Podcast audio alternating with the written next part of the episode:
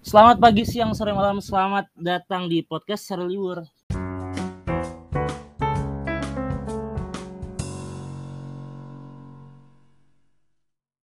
Iya, iya.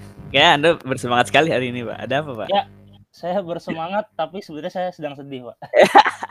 Ada apa, Pak? Ini seolah-olah semangat aja. Ya, Iya. Pak Nis, eh, lagi ada error, Pak, di laptop Error, Pak, saya. ya. Jadi Kayaknya harus di ada yang Ini di kayaknya gara-gara berita minggu lalu, Pak ya, sepertinya. Aduh, iya mungkin nih kita jangan bahas-bahas berita yang yang sensitif terlalu ya. ini deh, iya.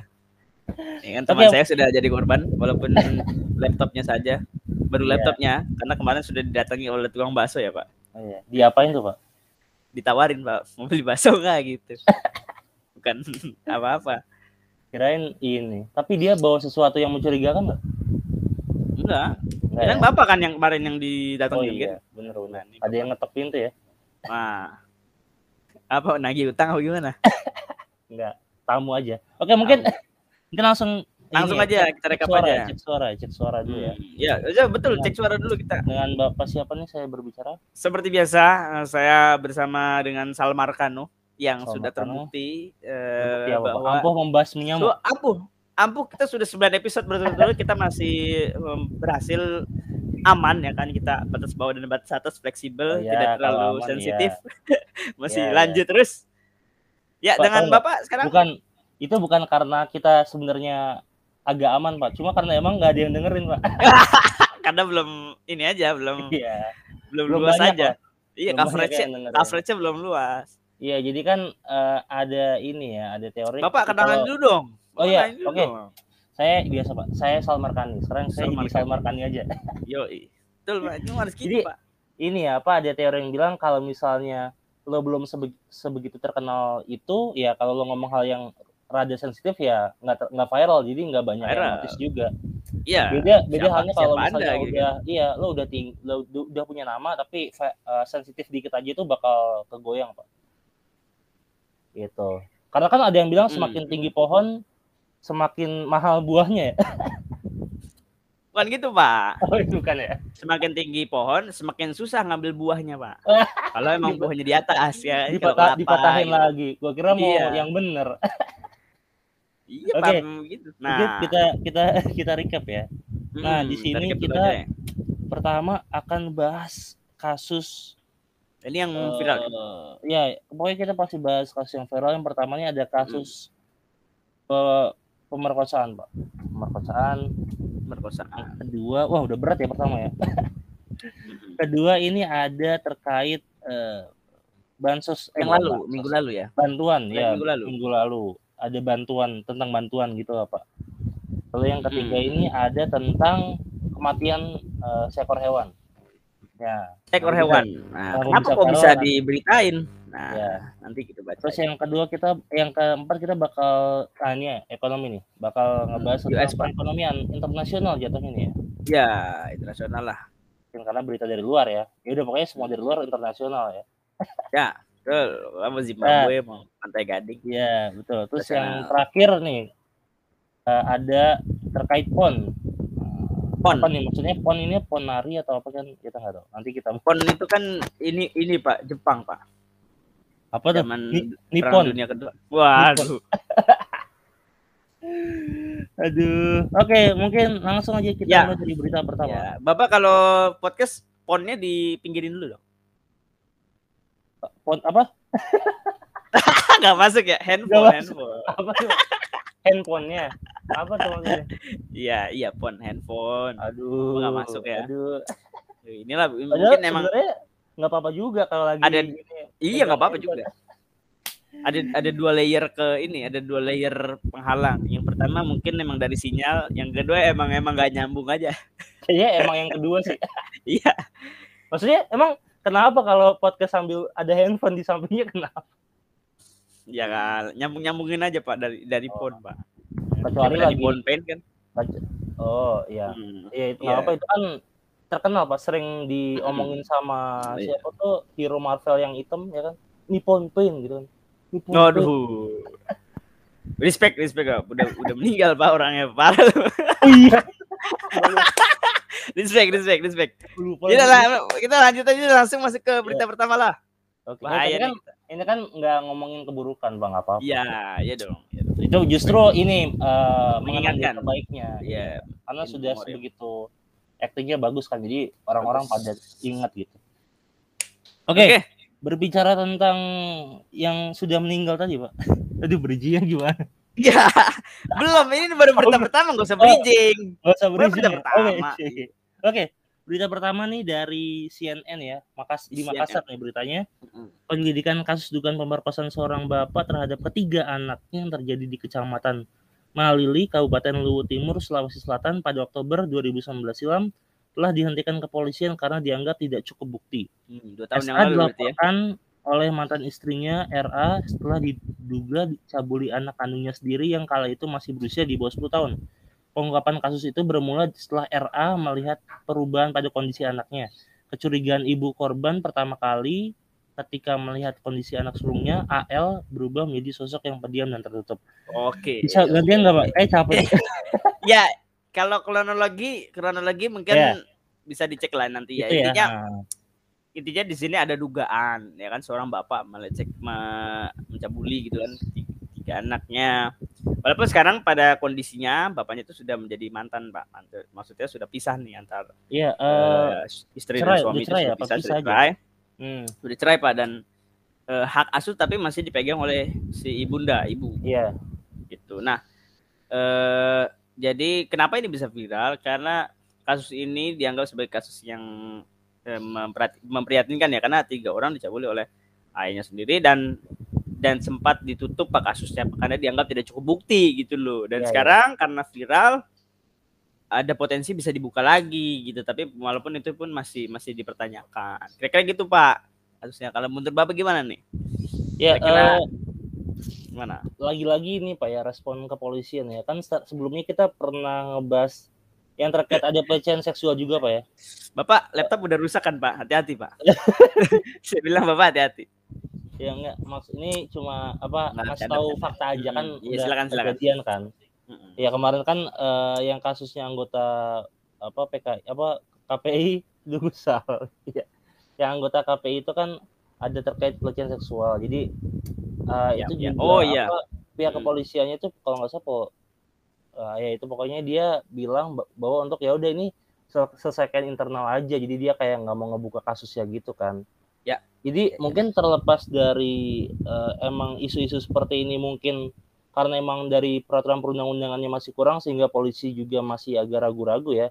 Saya emang eh, kadang ya gini Pak apa kan ada istilah di masyarakat tuh kalau misalnya ini ini buat oknum ya oknum ini tertentu ya, Ya. dan tempat-tempat tertentu mungkin jadi ada stigma gini Pak kalau misalnya sebuah kasus dibawa ke polisi itu jatuhnya malah semakin ribet Pak karena ya itu harus Hmm. ngurus segala macam ya gitu Ya, ya, ya, ya. Walaupun tapi nggak semua sebenarnya- mungkin Mm-mm. mungkin ini cuma 0,01 persen ya kita kan nggak tahu Iya. tapi ada Sebenarnya- kayak gitu sebenarnya kalau mengurus ke kepolisian tidak ribet Pak tidak. oh mudah ya cuma Pak gimana Pak mudah saja. Jadi eh, Oh. cuma cuma Iya, belum iya. tentu ditindaklanjuti itu. oh iya iya itu mungkin eh, apa mungkin ribet ada juga tapi juga ada juga yang nggak ditindaklanjuti ya atau nggak selesai gitu ya Betul, karena kan terkait dengan alat bukti. Nah, kali ini disampaikan bahwa alat bukti tidak cukup sehingga proses penyidikan tidak dilanjutkan. Kira-kira seperti itu, Pak. iya Nah, Tep- pada eh, dasarnya hmm. kalau bukti, Pak ya. Eh sebenarnya kalau dari dari keterangan kepolisian dan itu keterangan kepolisian tersebut kan sudah sudah mengecek eh, apa eh, visum gitu kan ke ke eh, anak-anaknya dan ternyata tidak di tidak ditemukan, Pak.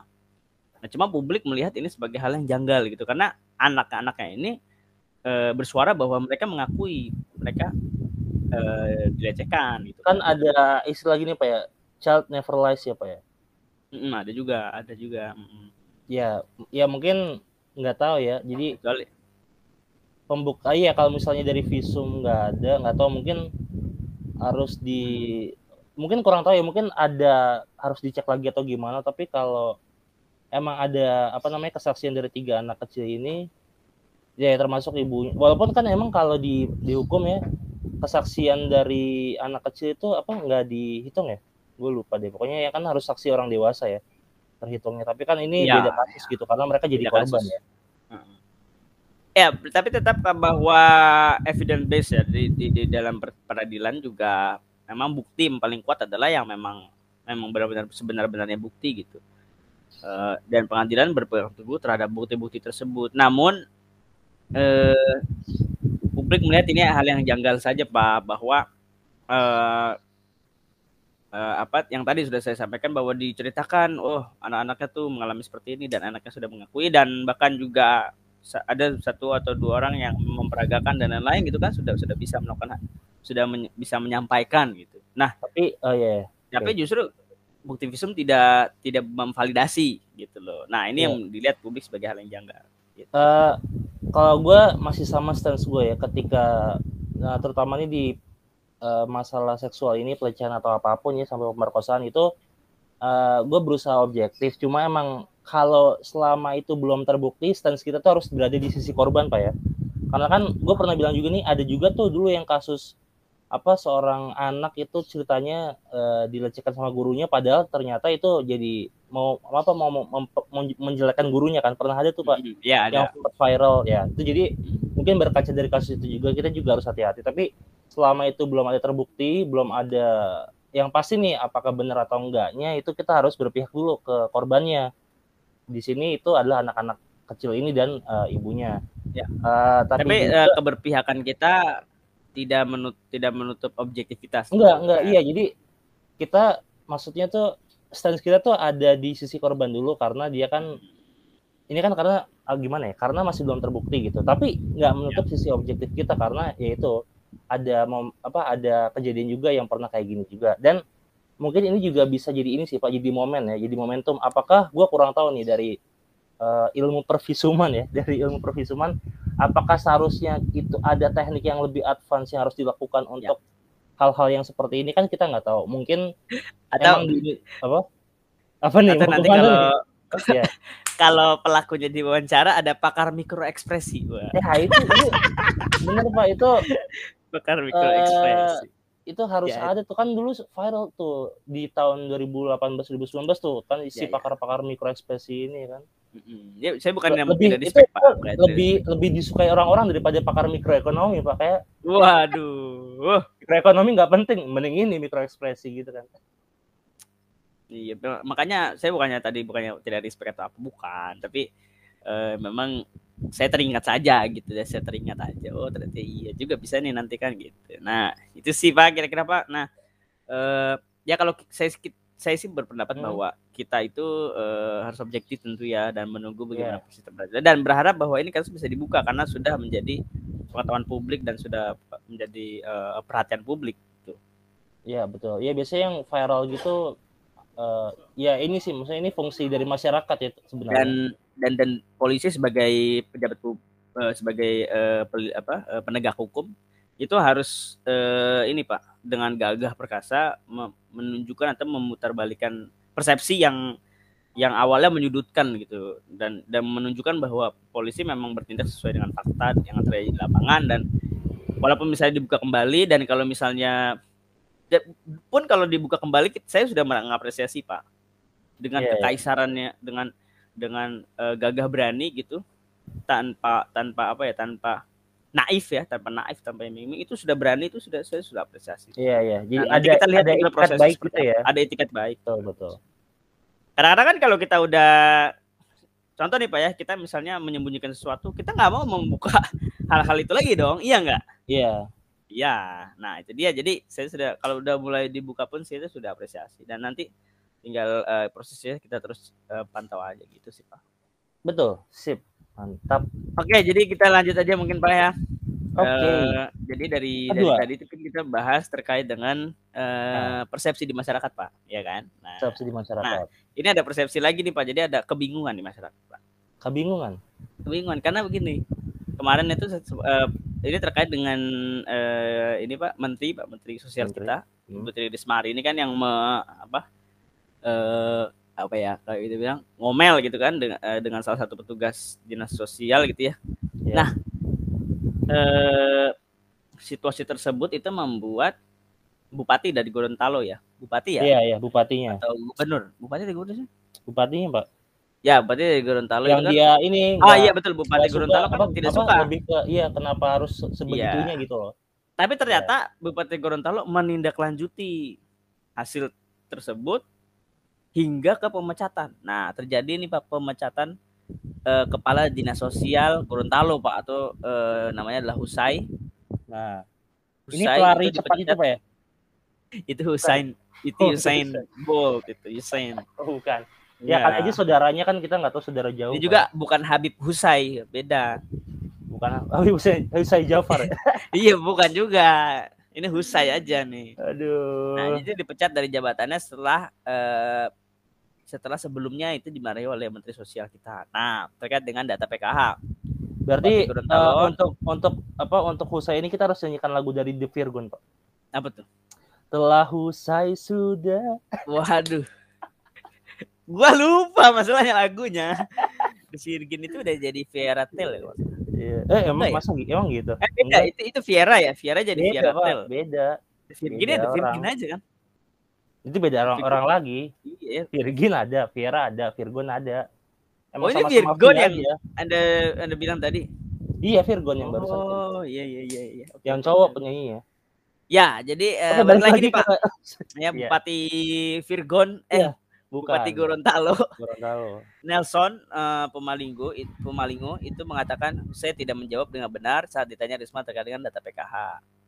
Sikap Usai dianggap memancing emosi Risma. Jadi ada kaitannya masih ada kaitan dan dekat terkait dengan kemarahan Risma tadi. yang saat itu ya Padahal yang sebelumnya sempat diprotes kan, nah tapi ternyata kok ditindaklanjuti gitu kan. Nah, jadi ini yang membuat bingung di masyarakat. Kira seperti. Walaupun eh, Bupati Gorontalo tersebut menyatakan bahwa bukan bukan itu satu-satunya alasan dia dipecat gitu loh.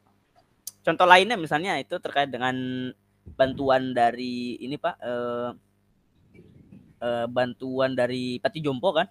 Eh, jadi gaji tenaga abdi di salah satu Pati Jompo itu belum dibayar selama enam bulan. Wow, Oh, salah satunya ya iya. itu kalau benar ya Pak itu keterlaluan sih Pak. Gaji kita telat sehari aja itu udah udah emosi Pak. itu salah satunya gitu pak ya kesalahannya ya Iya itu salah satu. Dia ada beberapa kesalahan-kesalahan lain sehingga dia dipecat. Eh, ya Mana, gimana Pak, ya kalau menurut gua sih ya eh begini pak. Kan gua udah pernah bilang ya ini kita singkirkan dulu ya sisi kebingungannya ya.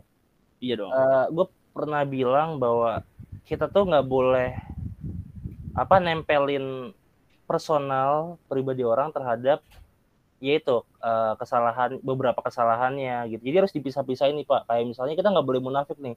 Kayak misalnya eh, misalnya nih si Husai ini itu punya banyak kebaikan misalnya tapi dia Ya. juga ada kesalahannya ya kita Ya. jangan eh, jangan benci ke orang ya tapi benci kepada kesalahannya kalau gue lebih milih gitu ya Iya iya. eh jadi kalau misalnya ini kan dua kasus yang beda di mungkin aja Bupati Gorontalo itu mungkin eh mungkin aja dia nggak ngecek dulu eh, lebih dalam tapi ternyata setelah ditinjau lebih dalam emang ada kesalahan-kesalahan lain gitu ya nah ini Mm. sebenarnya kan itu jadi apa ya jadi ada miss nih di fungsi pengawasannya ya. Tapi gue nggak tahu nih harusnya yang ngecek siapa tapi pada akhirnya kan kebuka nih kesalahan-kesalahan yang telah dibuat.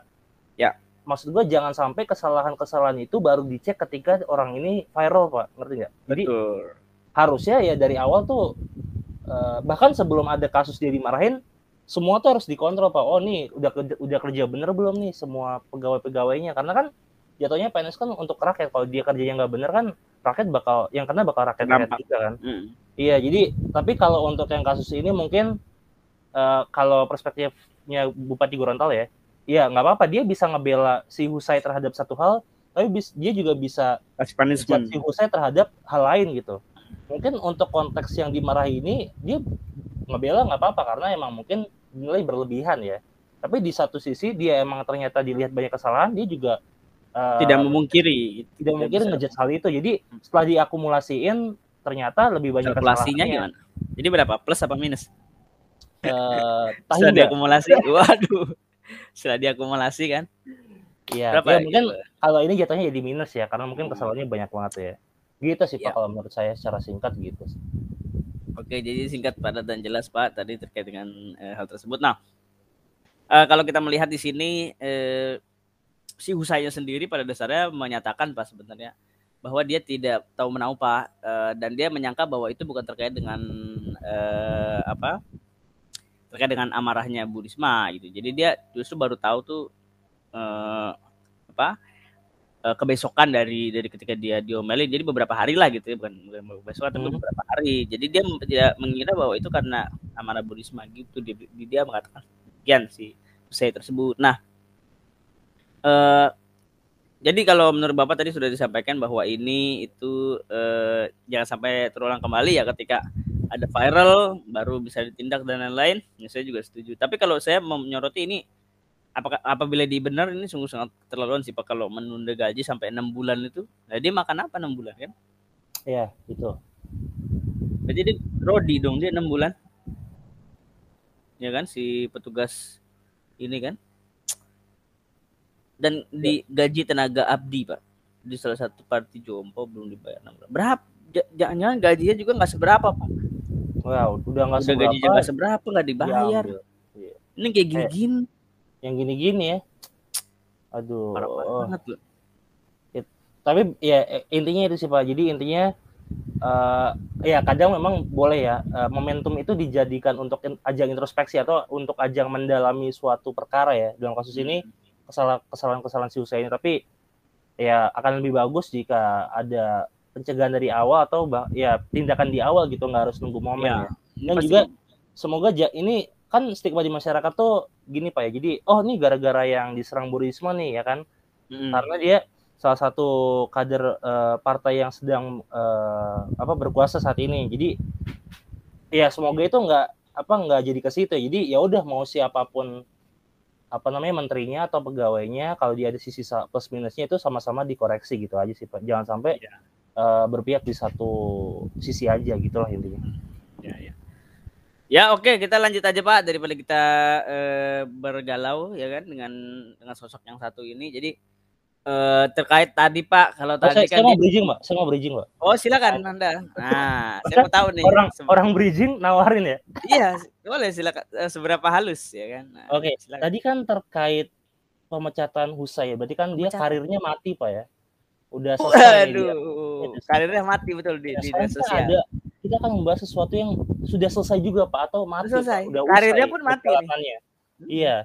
Di sini ada yang selesai juga karirnya atau perjalanannya yaitu Kurama, Pak. Kurama. Atau Siapa apa, Kurama? Kurama itu? Nah, kalau kalau secara uh, harafiah Kurama etimologi itu adalah, epitemologis itu adalah kendaraan, kendaraan ya. Kalau bahasa Jepang itu Kurama itu artinya kendaraan, Pak. Oh, baru tahu sih. Itu, nah, tapi itu. kalau di konteksnya yang kita obrolin sekarang itu Naruto ini adalah kendiriin. Bukan, bukan.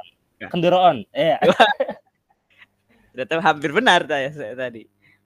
Iya, di sini adalah uh, ini Pak, apa namanya? Uh, iblis yang ada di dalam tubuh Naruto gitu, Pak.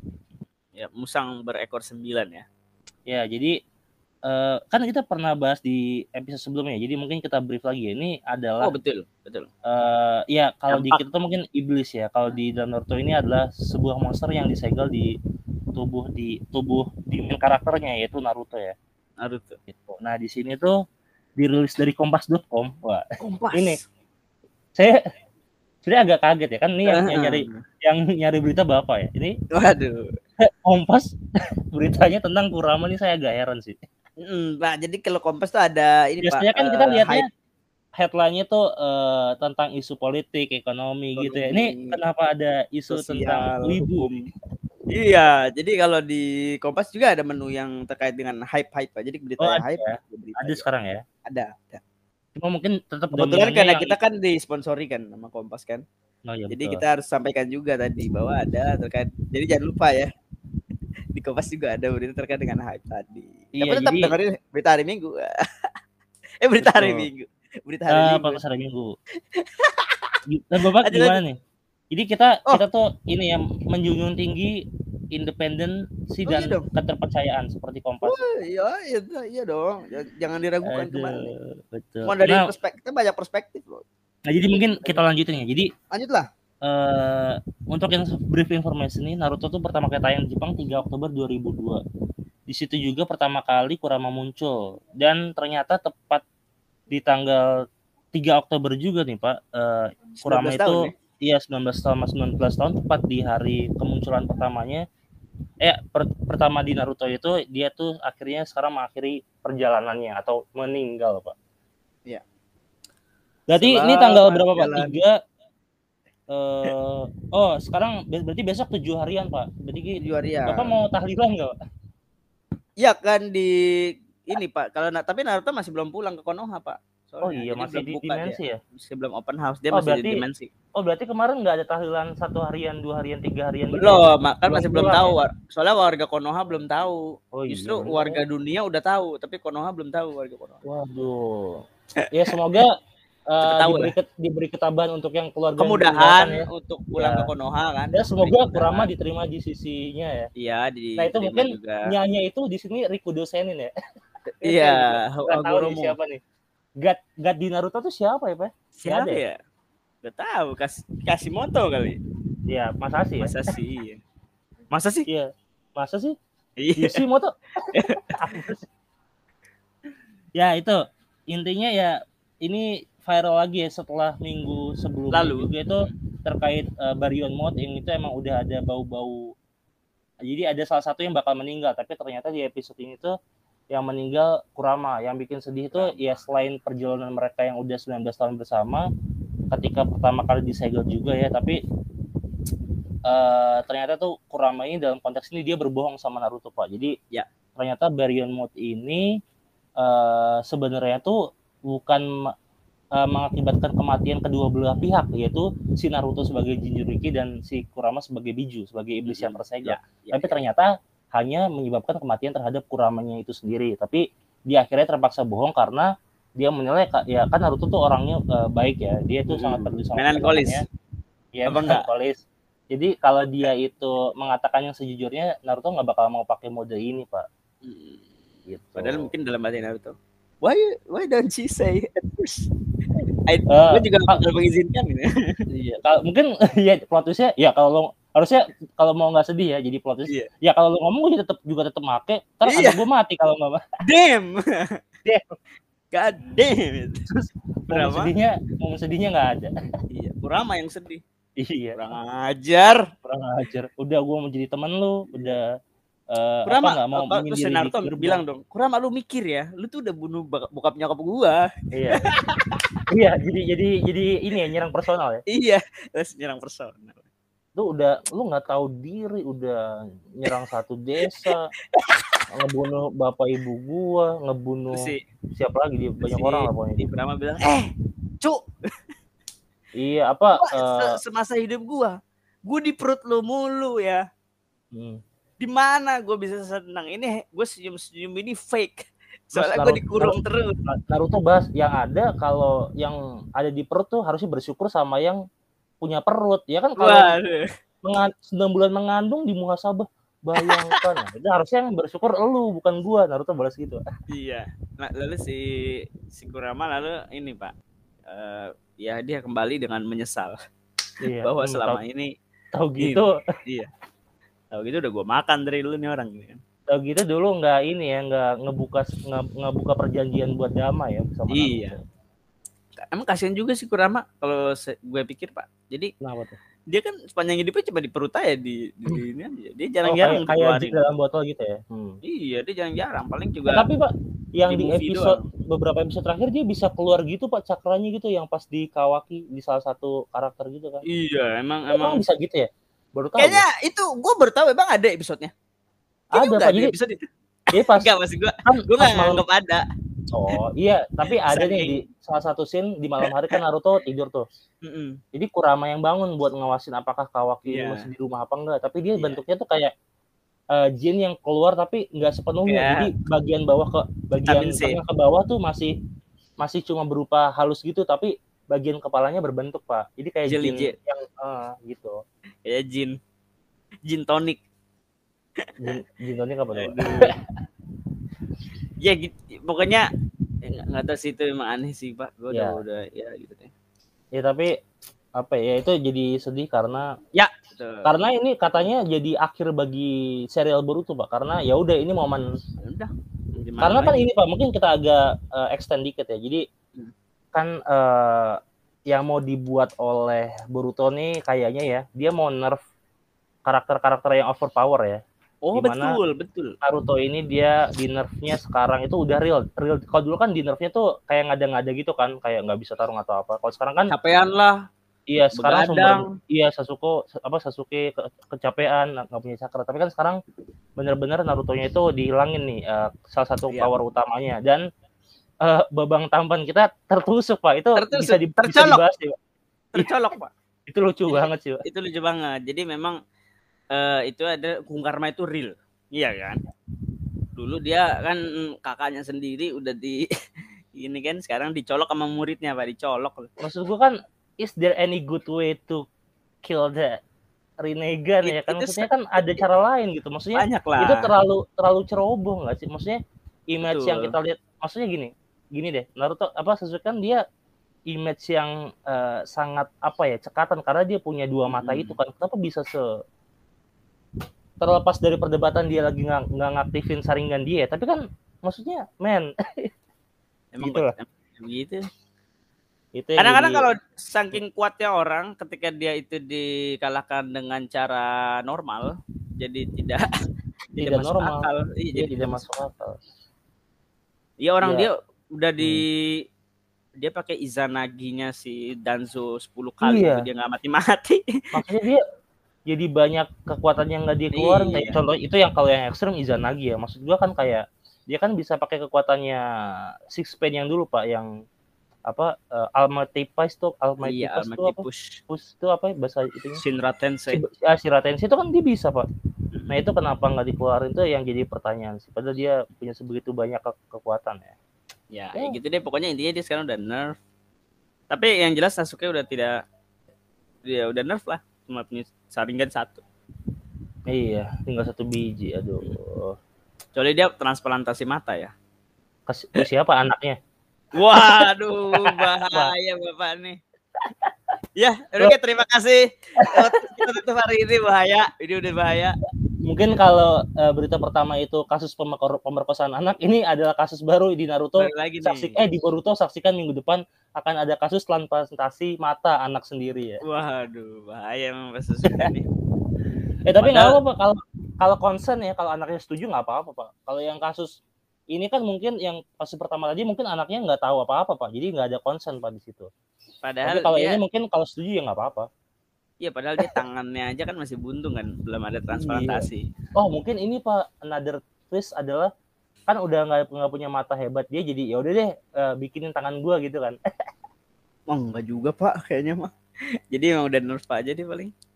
ya tapi kan Tapi kasihan Iya. banget sih dia tuh. itu idealisme dia kan karena Mm-mm. ya ini sebagai bukti bahwa dulu gue pernah berkhianat pernah berbuat salah tapi kan sekarang udah nggak punya kekuatan overpower itu mungkin dia Iya. bakal membangkitkan tangannya gitu kan idealisme Iya. bisa runtuh pak bisa runtuh karena memang keadaan kan gitu misalnya kayak gue udah ngomong nih gue gue mau apa misalnya adalah tempat gue mau ngajar tapi gue nggak mau digaji tapi ketika uang udah tipis dia minta gajinya gitu loh itu itu kayaknya eh, pengalaman pribadi ya kalau nggak oh, bukan bukan Oh, bukan. enggak enggak, enggak Oh, gitu bukan. enggak Oh, enggak iya. jadi Oh, eh iya. enggak itu itu cuma contoh aja nah ini terkait dengan ini tapi Sasuke Hmm. itu paling kasihan bener pak. Dia udah tangannya Iya. buntung pak. Sekarang matanya cuma satu.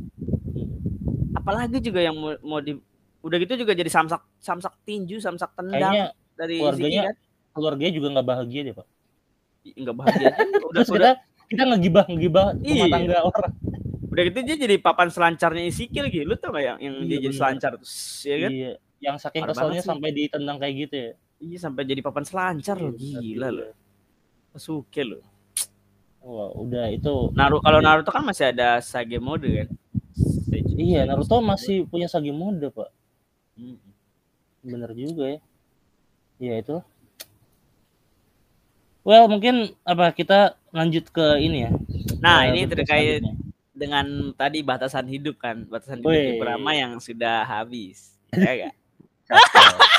yang tidak tidak bisa diperpanjang ya enggak Iya. jadi nggak bisa diperpanjang nah tapi kalau kali ini pak ada yang bisa diperpanjang apa tuh itu adalah eh, batas hutang dari pemerintah Amerika Serikat pak batas hutang oh Amerika juga ngutang pak ya hutang juga Karena dong negara besar tuh nggak ngutang pak justru jauh lebih besar utangnya daripada Oh. Indonesia.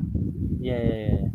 Jadi eh, contoh misalnya kalau US ya kita nggak usah bahas lah ya dia dia utangnya emang udah sangat besar. Nah contoh misalnya eh, yang lain pemerintah lain misalnya Jepang misalnya Jepang Ya. itu udah Jepang itu udah sekitar 250 persen dari GDP Pak. 20%. itu udah gila banget sih. Kalau kita kan masih 40-an, 40 persen. Jadi masih di bawah 100. Jadi eh, teori teorinya enggak sih, enggak, enggak usah dikasih tahu lah teorinya takutnya salah. Jadi intinya eh, kita masih 40 persen kalau kalau di negara-negara apalagi US gitu ya. Waduh, udah, itu udah di, di, di, di atas 100 persen lah. Walaupun nanti kalau eh, itu kan sat- untuk apa persentase dari hutang itu satu hal tapi untuk sumber hutangnya hal lain ya. Mungkin nanti Hal bisa lain. kalau misalnya dibahas bisa di lain waktu mungkin ya. Itu Ya, cukup kompleks ya teorinya juga ya. betul. Nah, jadi eh, di sini kan ini ini kerjaan politik, Pak. Kita kita bahas politik luar negeri sedikit. Jadi eh, Ini kan ini kan Bapak nulis beritanya pakai bahasa Inggris nih. Dibacain pakai bahasa Inggris dong. Janganlah, nggak usah lah. Iya. sok-sokan dikit lah. Jadi Betul intinya intinya ini senat Pak, eh, atau kongres di Amerika di US itu me- mengesahkan untuk menaikkan batas hutang sementara ya. Jadi menaikkan batas hutang short term atau dalam jangka waktu dekat hingga 3 Desember. Sekitar 480 miliar US dollar setahu seingat saya ya. Jadi jadi dinaikkan dengan fixed rate yaitu sekitar 480 miliar US dollar yang yang itu nanti di apa yang batasnya itu nanti tanggal 3 Desember di mana nanti akan ada vote lagi gitu. Hmm. Jadi Antara kenapa dua kok partai ini ya. kedua partai Republik Republikan dan Demokratik. Nah, kenapa kok ini bisa menjadi hal yang menarik? Karena sebenarnya kalau misalnya tidak terjadi deal di, di Kongres untuk menaikkan batas utang Amerika Serikat, US itu berpotensi menjadi negara yang default atau gagal bayar untuk pertama kalinya, Pak. Iya. Untuk pertama kali. Jadi US nih pemerintah yang mungkin dianggap orang sebagai negara adidaya lain-lain, gagal bayar kan lucu dong, iya kan? Iya, iya. negara adidaya gagal bayar. Nah, tapi eh, Secretary of eh, apa eh, Finance itu Janet Yellen ya. Jadi eh, Hmm. Janet Yellen mengatakan bahwa apabila debt debt ceiling itu tidak dinaikkan itu sangat berbahaya bagi pemerintahan US. Jadi kemungkinan akan terjadi default dan nanti dampaknya ke eh, apa per- eh, eh, apa misalnya iuran bantuan sosial tidak dibayarkan gitu kan.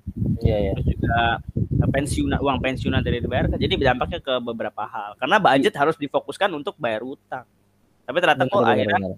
akhirnya ditingkatkan. Nah jadi begini pak. Jadi eh, saya juga baca bahwa eh, peningkatan batas utang ini itu bukan untuk spending.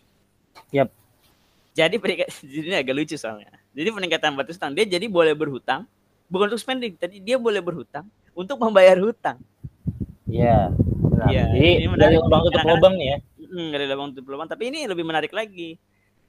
Jadi eh, jadi ada ada perkataan di mana anda pokoknya kalau ada perkataan di mana boleh anda boleh berhutang tapi bukan untuk spending. Nah orang kan kalau yang nggak ngerti gali lubang tutup lubang pasti bingung. Ya enggak? Iya. Lu Hmm. lu utang boleh tapi nggak boleh dikeluarin itu duit untuk spending. Nah buat apa dong? Ah, ternyata ambil utang untuk bayar utang lagi. Nah itu dilakukan sampai nanti 3 Desember dan eh, nanti 3 Desember akan terjadi pergolakan per apa sih pergelutan per- Perser, eh, pe- perseteruan lagi. per- perseteruan politik nanti Iya. terkait dengan anggaran infrastruktur eh, bill ya eh kok bill sih maksudnya siapa namanya eh, eh, eh, Biden Joe Biden Oh, coba aja. anggaran infrastrukturnya itu 4 triliun US dollar pak Iya. Wow, ya, kan? 4 triliun US dollar. Eh, itu masih belum deal ya, masih belum disahkan. Jadi nanti di tanggal 3 Desember itu dia akan eh, ini lagi. Kalau bisa masih tidak disahkan juga maka akan terjadi government shutdown. Gitu. Apa tuh Pak? Apakah harus chat pencet Windows U untuk shutdown? Waduh. Ya, jadi government shut. Kalau di US itu beda dengan Indonesia. Kalau di US tuh kan kita kan orang US, Pak. Saya kan San Francisco ya. Iya, Kalau Bapak kan. Colorado kan. Kita akan explain untuk orang-orang di Indonesia. Iya dong, udah udah plan. Jadi gini, kalau di US itu bisa shutdown pak pemerintahannya. Jadi pemerintahan itu tidak berjalan sebagaimana mestinya. Walaupun memang ada beberapa sektor di pemerintahan yang masih berjalan, khususnya yang vital. Yang vital Misalnya pasti. kayak uh, bantuan sosial atau apa. Tapi tapi tidak terlepas bahwa sektor-sektor vital tersebut itu itu ada kaitan politik. Yeah. Jadi partai yang menentukan sektor-sektor mana aja yang masih bisa jalan. Mostly hmm. dari sektor-sektor di pemerintahan itu tutup atau tidak memberikan pelayanan kepada masyarakat, Pak. Dan dan, dan pemerintahnya pun nggak digaji. Nah, gak dapat gaji. Itu, itu yang menarik ya. Menarik. Kalau di kita kan nggak bisa begitu. Kalau di kita, semua tetap jalan pak, mau lagi apa ya kan tetap itunya tetap jalan, tapi di satu sisi juga tetap digaji ya, ya itu. Waduh, kayaknya bapak nih laptopnya rusak, bagus juga ya. Bahaya kan, nih. Nggak, maksudnya tadi kan yang pegawai asuhan tadi harus Oh digaji, iya, pak. betul betul. Iya. Yang pegawai tadi ini konteksnya oh, loh. Itu kan sektor krusial kan untuk ngas, iya, apa, ngasih makan uh, orang-orang yang membutuhkan. Jompo kan, jompo kan? Iya betul. Iya, krusial. Aduh, ini bukan yang lain-lain ya, bukan dong ya kan? Inilah pentingnya belajar cara untuk keluar dari jokes-jokes yang agak sensitif. Iya. Waduh. How to exit tapi, your Iya. Tapi tentu Mbak, saya harus yeah. kayak saya harus kasih baper nih. Bahwa memang pemerintah tentu sudah bekerja dengan sangat baik lah katanya. Iya, betul. Ini kan. Betul. Kan gue bilang Pak kalau kita nggak bisa apa ya ngegabungin kita harus misalnya antara kebaikan sama keburukan ya, ya ada keburukan tapi ada juga kebaikan hmm, harus ditimbang lah kalau itu kan oknum-oknum ah hmm. iya. Nah, itu. Contohnya tadi tuh si si itu kan siapa? Namanya Huai Huai siapa sih? Saja Huai Kambas. Siapa sih? Siapa? Sih yang yang tadi siapa, siapa sih tadi namanya yang Usai Huai, Susai. Husai. Ah, si Bapak itu enggak, saya Bapak tuh jauh dari Husai ke Huai itu. Kurang S pak, Husai, Huai. Ya, jauh, enggak, masih tetap jelek. Kurang S pak. Iya, oke. Okay, ya, Huai, ya. iya dong, Husai. Kecuali Huai tambahin W, ah beda lagi tuh. Huai Huai. Huai. Merek dong. ya, jadi ngomongin tadi balik lagi nih Pak. Jadi kalau government shutdown tadi bahwa uh, biasanya orang pada nggak digaji tuh yang kerja di pemerintahan tuh pak. Jadi biasanya demo ada demo-demo dan dan bukan cuma orangnya doang tapi fasilitasnya juga nggak nggak ada pemasukan. Tapi gue setuju kan Indonesia juga memperba, mem, melakukan itu pak. Ini kan jatuhnya ada kesalahan di sistem governmentnya ya. Di kita juga ada pak. Kan kemarin tuh ada yang uh, di KPK ada yang melakukan kesa, apa kesalahan kode etik kan dia dipotong gajinya juga pak. Jadi kita emang kita juga udah niru pak dikit-dikit pak Ya walaupun kalau itu kan terkait dengan kalau itu kan ini ya, ya, ya, ya. Uh, beda ya kalau, kalau ya. pemerintahan ya. ya nah betul, kalau kita contoh kalau kita beda pak kalau kita ini kita gimana pak? Misalnya kita nggak setuju nih di budgeting, ah. ya kan? Misalnya biasanya di tingkat daerah sih kalau tingkat nasional biasa aman-aman aja. Iya. Kita bakal kalau tingkat daerah misalnya nih nggak setuju nih contoh gubernur DKI waktu itu pernah kan Pak Ahok misalkan waktu itu nggak hmm. eh, setuju dengan DPR, dispute lah ya terkait dengan DPRD sorry. Hmm dan akhirnya ketika tidak setuju eh, apa namanya stalemate itu ya ya ujung-ujungnya dia pakai anggaran tahun lalu. Kalau kita simply oh. lalu. Kalau di US no shutdown gitu. Jadi benar-benar kayak gak ada. Sampai dan, dan, sampai apa sampai nanti menuju ke apa ada kesepakatan sampai lagi rekonsiliasi gitu ya? iya rekonsiliasi kan. Nah eh, itu pernah tuh jadi US itu udah 11 kali pak shutdown pak. Kita melakukan shutdown tapi uh, per jangka waktunya rata-rata berapa lama pak? Rata-rata nggak lama, nggak lama kok. Cuma misalnya seminggu, dua ah, minggu. Maksudnya kan kalau tahun kalau sampai sebulan dua bulan kan lumayan juga tuh nggak ada ya, pelayanan. Betul. Di 2018 ya? itu tiga bulan kalau nggak salah. Oh, per, so, per, sempat lama ya? If I am wrong. Atau sat, antara satu sampai tiga bulan deh. Saya, saya hmm. agak, agak lupa. Jadi lama oh, ya? 34 hari, sorry bukan tiga bulan. Kita, hari, satu iya, bulan. Iya, mungkin satu bulanan. Jadi dia dari akhir bulan, eh dari akhir tahun sampai setelah selesai Januari kalau salah. Itu kan maksudnya gitu. pegawainya juga lumayan kan. Kalau seminggu nggak digaji oke okay lah. Itu kan sebulan lumayan ya. Lumayan. Itu benar-benar kayak uh, misalnya nih kebun binatang nih. Itu hmm. hewannya nggak dikasih makan karena emang nggak ada nggak ada budget pak. Oh iya benar juga. Benar juga. Kayak gitu-gitu tuh. Terus ada uh, ya pokoknya banyak pelayanan yang ini akhirnya. Pelayanannya banyak, banyak yang nggak nggak nggak ya nggak kerja dia yang jadi. Sektor nggak Dan kalau kerja di penjara pak. Hmm. Jadi ada maksudnya kalau misalnya dia seharusnya emang gak kerja ketika government shutdown, tapi dia kerja, itu ada pasal di mana dia bisa dipenjara. Oh gitu. Jadi benar-benar harus stop semua ya. Harus enggak semua, tapi maksudnya Iya, maksudnya yang sektor-sektor yang seharusnya yang, ya, yang, seharusnya nggak kerja, nggak boleh benar nggak boleh nggak boleh kerja. Gitu. Iya, ya, bagus sih itu emang harus uh, komit ya. Iya. Baik ke semuanya. Intinya ya eh, biasanya kan kalau US political dispute atau ada problem kita untung nih emerging market kan untung. Iya. Tapi kalau data tidak tidak tidak tidak terlalu mendukung pak. Justru Iya. kalau di pasar keuangan dia sana ya atau eh, ya di di stok ya bukan pasar keuangan sorry di di pasar saham. Justru dia eh oke misalnya ketika ketika shutdown dia memang menurun nih stok dan lain-lain kan menurun. Tapi ketika beberapa hari setelahnya itu justru baik pak untuk pabrik perekonomian US makanya emang agak lucu ya itu itu catatan dari S&P ya Iya. seperti itu Nah, agak lucu sih kalau US tuh seperti itu ya Eh, Kalau Indonesia apa tentu tidak- ter- tidak terkait bisa. sama dia negara adidaya juga ya. Jadi Iya. seketika dia udah comeback tuh jadi banyak eh, peminat gitu ya, demandnya jadi Ya, banyak ya, kali ya. Dan Oke, dan mungkin- bias dan biasanya mungkin ketika dia comeback anggaran yang disetujui kan fantastis ya kalau kita mengingat kan ada anggaran kan 4 triliun dolar kan wah Oh, itu kalau gitu udah ya? di- kalau nge, maksudnya kan ketik eh, apa pasar kan melihat budget tahun depan seperti apa jadi udah diekspektasi Ah iya betul. Benar. apakah benar. dia Itu- itu disetujui juga jadi di ya. bawahnya atau di atasnya gitu itu juga pasar kan udah melihat gitu Iya, secara secara dia udah ekspektasi ya kira-kira gitu pak oke Eh, mungkin oke Lanjut mungkin ya. kita lanjut nih saya udah cepatnya ya pak ya apa mau Iya bridging? kan mau bridging Oh ya, iya, gitu, boleh, susah boleh, sebenarnya. boleh. nah Boleh, kalau boleh. tadi kan eh, tadi kan berita internasional nah Oh, mas ada- bisa tuh orang bridging ya udah langsung aja kita kenapa ngomong-ngomong dulu ya. iya Enggak, kalau ini Beda. bridgingnya agak kasar nih pak Oke, coba. nah kalau tadi itu adalah berita internasional Ya. bentar Ah, kalau ini Nah, ini ada berita nasional yang disorot Iya. internasional loh waduh. kurang kurang Apa tuh? kurang halus itu adalah pekan olahraga nasional Papua pak Oh. jadi kenapa dia disorot karena memang ini pertama kali eh, apa diselenggarakan di Papua nih tanah Papua dan cukup meriah juga gitu pak pon ya Iya, iya.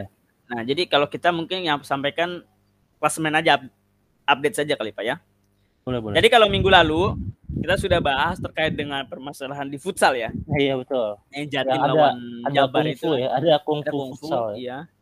Eh, ternyata itu terkait dengan pon juga nah sekarang ini kita sampaikan saja untuk update saja karena kan minggu lalu kita juga sudah bahas ya Iya.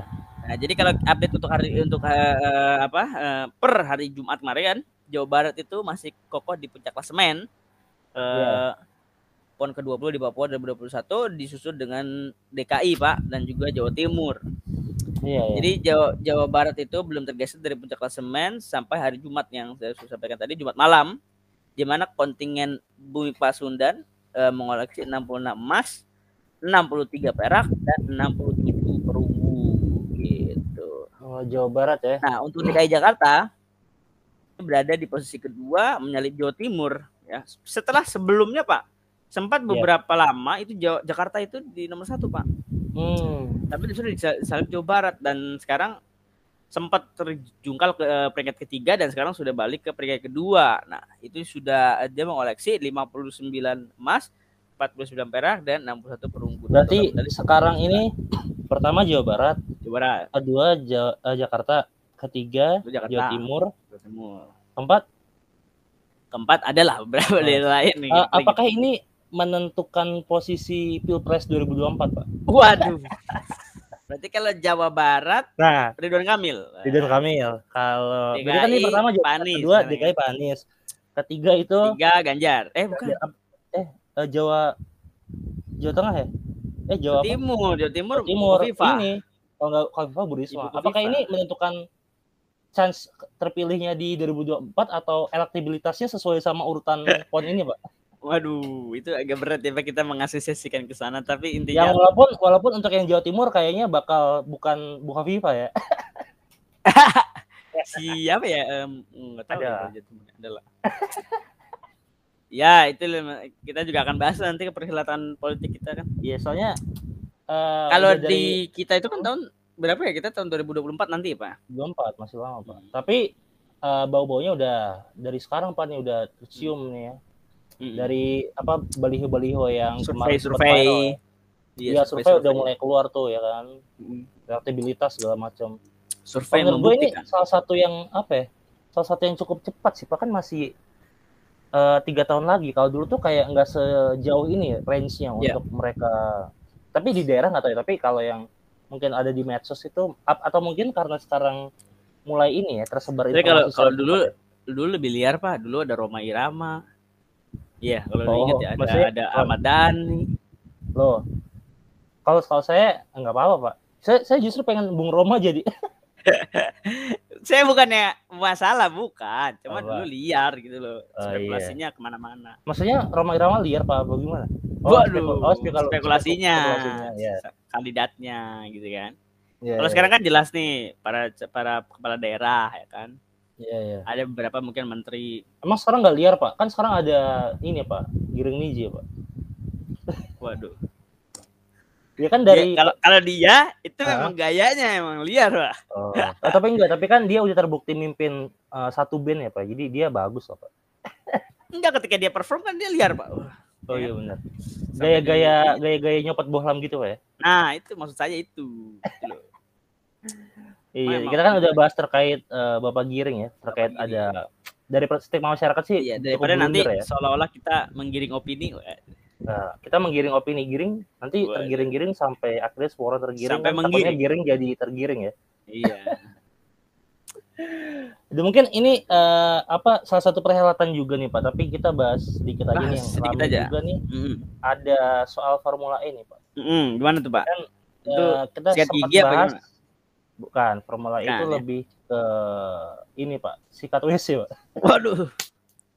Nggak, jadi Formula E ini kan sempat kita bahas nih di minggu lalu atau dua minggu lalu ya terkait eh ada Izin ad- iya terkait izin terus ada persetujuan terkait anggaran ya lebih baik Oh, iya. diadakan eh, untuk bantuan Covid. segala macam namun pada akhirnya eh, lebih banyak partai yang eh, DPD-nya itu st- apa setuju ya terhadap eh, apa namanya penjelasan dari gubernur gitu ya nah eh, jadi mungkin kita ini ya kena kalau kita bahas ini aja pak objektifnya aja kenapa sih harus diadakan Formula E ya apa apa penting pak apa lebih baik nggak diadakan gitu Oh oke. Saya kira bapak mau ngasih pendapat duluan. Oh, oh iya. Ya saya Enggak. saya kan ngelihat ngelihat Ya oke eh, saya saya dulu saya dulu pak. Saya dulu. Iya bapak enak aja tinggal ini ya. jadi jadi gini pak kalau pendapat saya tentu Formula E ini memang sangat baik pak. Saya, saya sangat setuju. Tapi memang harus dijalankan juga dengan momentum yang tepat. Iya Ya. kan? Karena kalau kalau tragedi plus momentum jokes. Apa Ya, hubungannya? betul. Plus Jadi waktu intinya dong, plus waktu, Plus waktu, ya, iya, momen, momen iya. dong, ada Betul, momen. Nah ini momennya masih belum tepat nih, jadi belum belum jadi belum jadi jokes ya, tapi Iya, iya. belum jadi eh, sesuai lah, belum ya, belum jadi belum tepat. Tapi Tapi kalau Bapak nih ini ya mungkin apa sih eh, benefitnya nih? Kita bahas benefitnya dulu Hmm, nanti benefit. kekurangannya mungkin dari coba gua ini ya. Ya, Apa sih kalau kelebihannya kita ngadain ya di era sekarang? yang pertama kan kita eh, ini ya, nah, ini kan terkait dengan renewable energy pak, jadi menggunakan Hmm, ya. energi terbarukan, ya kan EV, ya. Ibu. eh, apa eh, electronic vehicle, maksud saya pokoknya eh, eh, energi terbarukan lah intinya kan. Iya. Jadi eh, memang pemerintah sudah mulai itu sudah mulai concern di lingkungan dan juga energi terbarukan. Berita juga bahwa eh, berdasarkan PLN eh, apa roadmap PLN Pak 2021 sampai 2025 kalau saya tidak salah itu sudah tidak ada pembangunan PLTU yang baru. Ya. Jadi sudah tidak ada. Jadi yang kalau yang lama, maksudnya yang pembangunan masih berjalan itu memang dilanjutkan itu sampai selesai, tapi sudah tidak ada pembangunan PLTU yang baru sehingga penggunaan bahan bakar eh, misalnya seperti batu bara atau energi-energi seperti itu sudah Bentar, bentar, Pak. PLTU itu apa? Pembangkit listrik tenaga umbi atau oh, waduh. Eh, mungkin ini biar Pak, yang lainnya tahu nih. eh, uap Pak, uap. Uap ya. Mm-mm. Makanya Jadi, kita tuh eh, harus harus sering-sering ngantuk ya biar energi Hmm, dari energi. PLTU uap. Sebenarnya Anda ngantuk itu karena Anda kan Anda menguap, Iya. ya kan? Anda mengeluarkan energi Anda. Iya. Oh, oh, berarti kehilangan energi dong. Kehilangan energi, makanya Anda lemes. Oh, gitu. Iya. Oh, iya, berarti salah dong ya. justru yang ini. Nah, Iya. baik lagi. Jadi jadi intinya pertama tadi fokus kita ke renewable Ya, energy walaupun energi. walaupun saya melihat ini memang bukan satu-satunya jalan untuk fokus kepada dunia Jadi ada banyak kan, ada banyak sekali pilihan kebijakan. Tapi tentu kan kita juga melihat ini kan adalah seret, uh, inilah uh, kebijakan dari gubernur ya. Dan sah-sah saja pada dasarnya kalau dia punya kebijakan dan sah-sah saja juga apabila publik menolak ataupun ya, berpendapat lah minimal ya. Iya. Berkendala di apa di dewan ya itu itu hal de, uh, secara demokrasi tapi terlepas dari kepentingan dan juga uh, apa kepentingan dan keyakinan dari gubernur ya pada dasarnya memang sudah tidak bisa dijalankan gitu ini sekarang sudah sudah tidak disetujui walaupun punya alternatif pak punya alternatif uh, jadi yang tidak disetujui itu bukan bukan ininya pak yang tidak disetujui itu bukan uh, perhelatannya, tapi jalan yang melalui Monas itu tidak disetujui. Yeah. Jadi bisa ada alternatif, kita bisa pakai Senayan, bisa pakai PIK.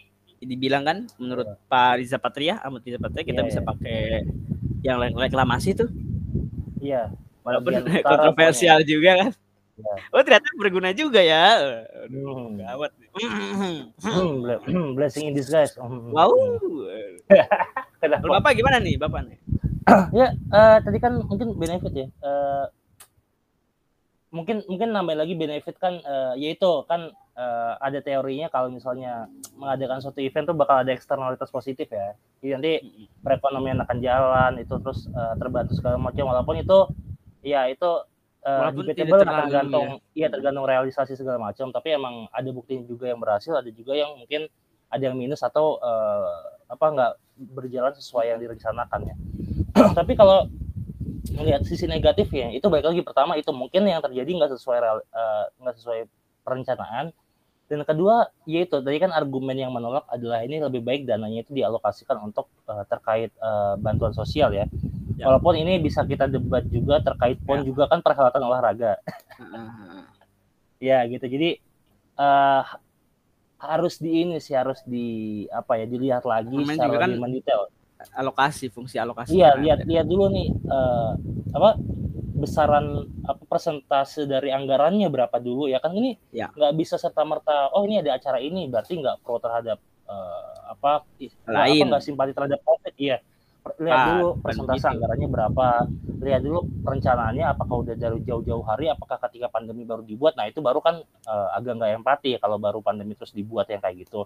Tapi kan nih uh, perencanaan terutama terkait perizinan kan emang udah cukup lama pak ya jadi uh, ada ada argumen yang bilang kalau apa namanya kalau ini once berhasil diselenggarakan nanti selanjut selanjutnya itu bakal enak dan segala macam lah tapi ya, kalau ya. terkait hal uh, mungkin yang bakal jadi dampak negatifnya lagi uh, apa ya iya mungkin resiko yang sering kita bahas uh, sebelum-sebelum ini Pak resiko COVID lagi ya ketika nanti ada perhelatan ya kan nanti ada kerumunan dari dari luar negeri juga berarti kan datang nanti ya.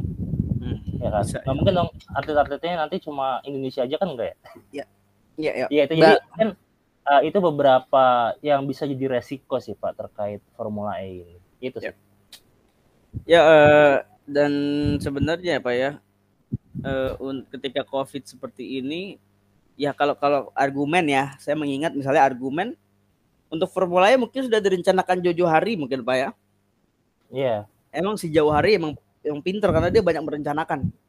Betul. Karena hmm. dia karena Jauh Hari dinamakan Jauh Hari karena iya. memang karena dia oleh bapaknya itu untuk bisa uh, perencanaan suatu perencanaan yang jauh hari. panjang. Jangka panjang. Jadi emang dia sangat pinter. Jadi Malah intinya Pak, jauh hari Yeah. Intinya uh, karena kan memang sudah jauh-jauh hari direncanakan dan kalau ditunda terus ya uh, tentu be beban atau yang uh, bukan hanya beban tapi yang harus ditanggung ya misalnya biaya-biaya yang sudah dikeluarkan jadi namanya sangkos kan. Kalau memang ya, tidak terjadi perhelatan buat apa pengeluaran-pengeluaran investasi dari awal tapi kok nggak jadi kira-kira seperti ya, tapi kayak ini pak jadi mungkin buat sedikit sangkos itu adalah biaya yang udah keluar tapi akhirnya nggak terrealisasi itu ya, tujuan jadi, uh, untuk objektifnya kayak misalnya nggak efektif kita kan? udah kita udah uh, kita misalnya tujuan kita sama pacar kita tuh nikah tapi kita udah sangkos nih udah ngeluarin biaya untuk uh, date untuk uh, nonton hmm. film beli popcorn beli makan parah loh berarti bapak hitung itu ya dinner dinner segala macam. Wow, udah keluar berapa tahun lah, bisa tujuh tahun pacaran, tapi ternyata nggak nikah. Nah itu sangkos, sangkos Iya. tujuh tahun, nafkahin istri orang ya. Waduh, jangan nanti film jangan sampai jangan sampai. Ya walaupun belum tentu gagal juga, tapi mungkin nanti balik Ya. lagi kita nggak tahu. Tapi itu namanya sangkos ya. Jadi biaya investasi yang udah keluar, tapi pada akhirnya ya walaupun eh, terkadang orang itu ikhlas ya, tapi kita nggak tahu gitu loh. Ya, kira-kira seperti itu Pak untuk berita di minggu ini kalau dari saya Pak. Kira-kira seperti itu terkait Ya. dengan polemik dan dan eh, fakta-fakta yang sudah disampaikan. Semoga memang bisa menjadi tambahan pengetahuan untuk teman-teman pendengar dan juga Ya amin. bisa menjadi eh, apa namanya eh, fresh ya untuk untuk penyegar ya, penyegar berita. Parutan kali. bisa menjadi fresh itu apa? ya, ya mungkin eh, ya ada inilah ada insight-insight dikit lah Insight, terkait ya terutama mungkin yang berita internasional yang mungkin jarang didengar di Ya. eh, televisi eh, mainstream ah media mainstream gitu ya. Di mainstream. Eh, Karena itu juga ya, tadi mungkin- dilansir dari oh dari itu Pak, dari dari berita yang luar juga. Dari dari, dari, dari terpercaya. Iya, kan dari- orang jarang buka dan emang uh, bukan Bayar ya? jadi common interest dari media mainstream juga ya karena emang Ya. pendengarnya ya nggak nggak sebanyak itu yang suka Ya. berita saat terkait hal betul ini. betul. Ya, Oke, ya, tapi one way one way or another kita harus tahu ya, uh, harus memahami lah karena ini uh, menjadi isu nasional juga pada akhirnya gitu kan terkait uh, kebijakan-kebijakan yang ada di luar terutama negara adidaya. Oke, mungkin sekiannya dari Ya, uh, ya, podcast hari sekian libur buat ini. kalian. Jangan lupa uh, dengerin podcast hari libur setiap hari Minggu yang akan rilis setiap hari Minggu. Uh, buat kalian yang FOMO, fear of missing out, jadi kita bakal nampilin berita-berita yang viral yang bikin kamu itu uh, nggak ketinggalan soal berita-berita update. Bisa follow podcast Mantap. hari libur uh, dan Ya. juga follow di- bisa di Spotify, bisa di Google Podcast dan segala macamnya udah tersedia. Juga bisa follow Instagram podcast hari libur di @podcast hari libur, bisa follow Instagramnya Pak Salmarkano di @imf underscore Indonesia dan uh, dan saya sendiri Salmarkani di @ridwan Septiadi. Ya, Oke, ya, ya. mungkin itu aja. Sekian, terima kasih semuanya. Selamat berhari libur. Selamat hari libur.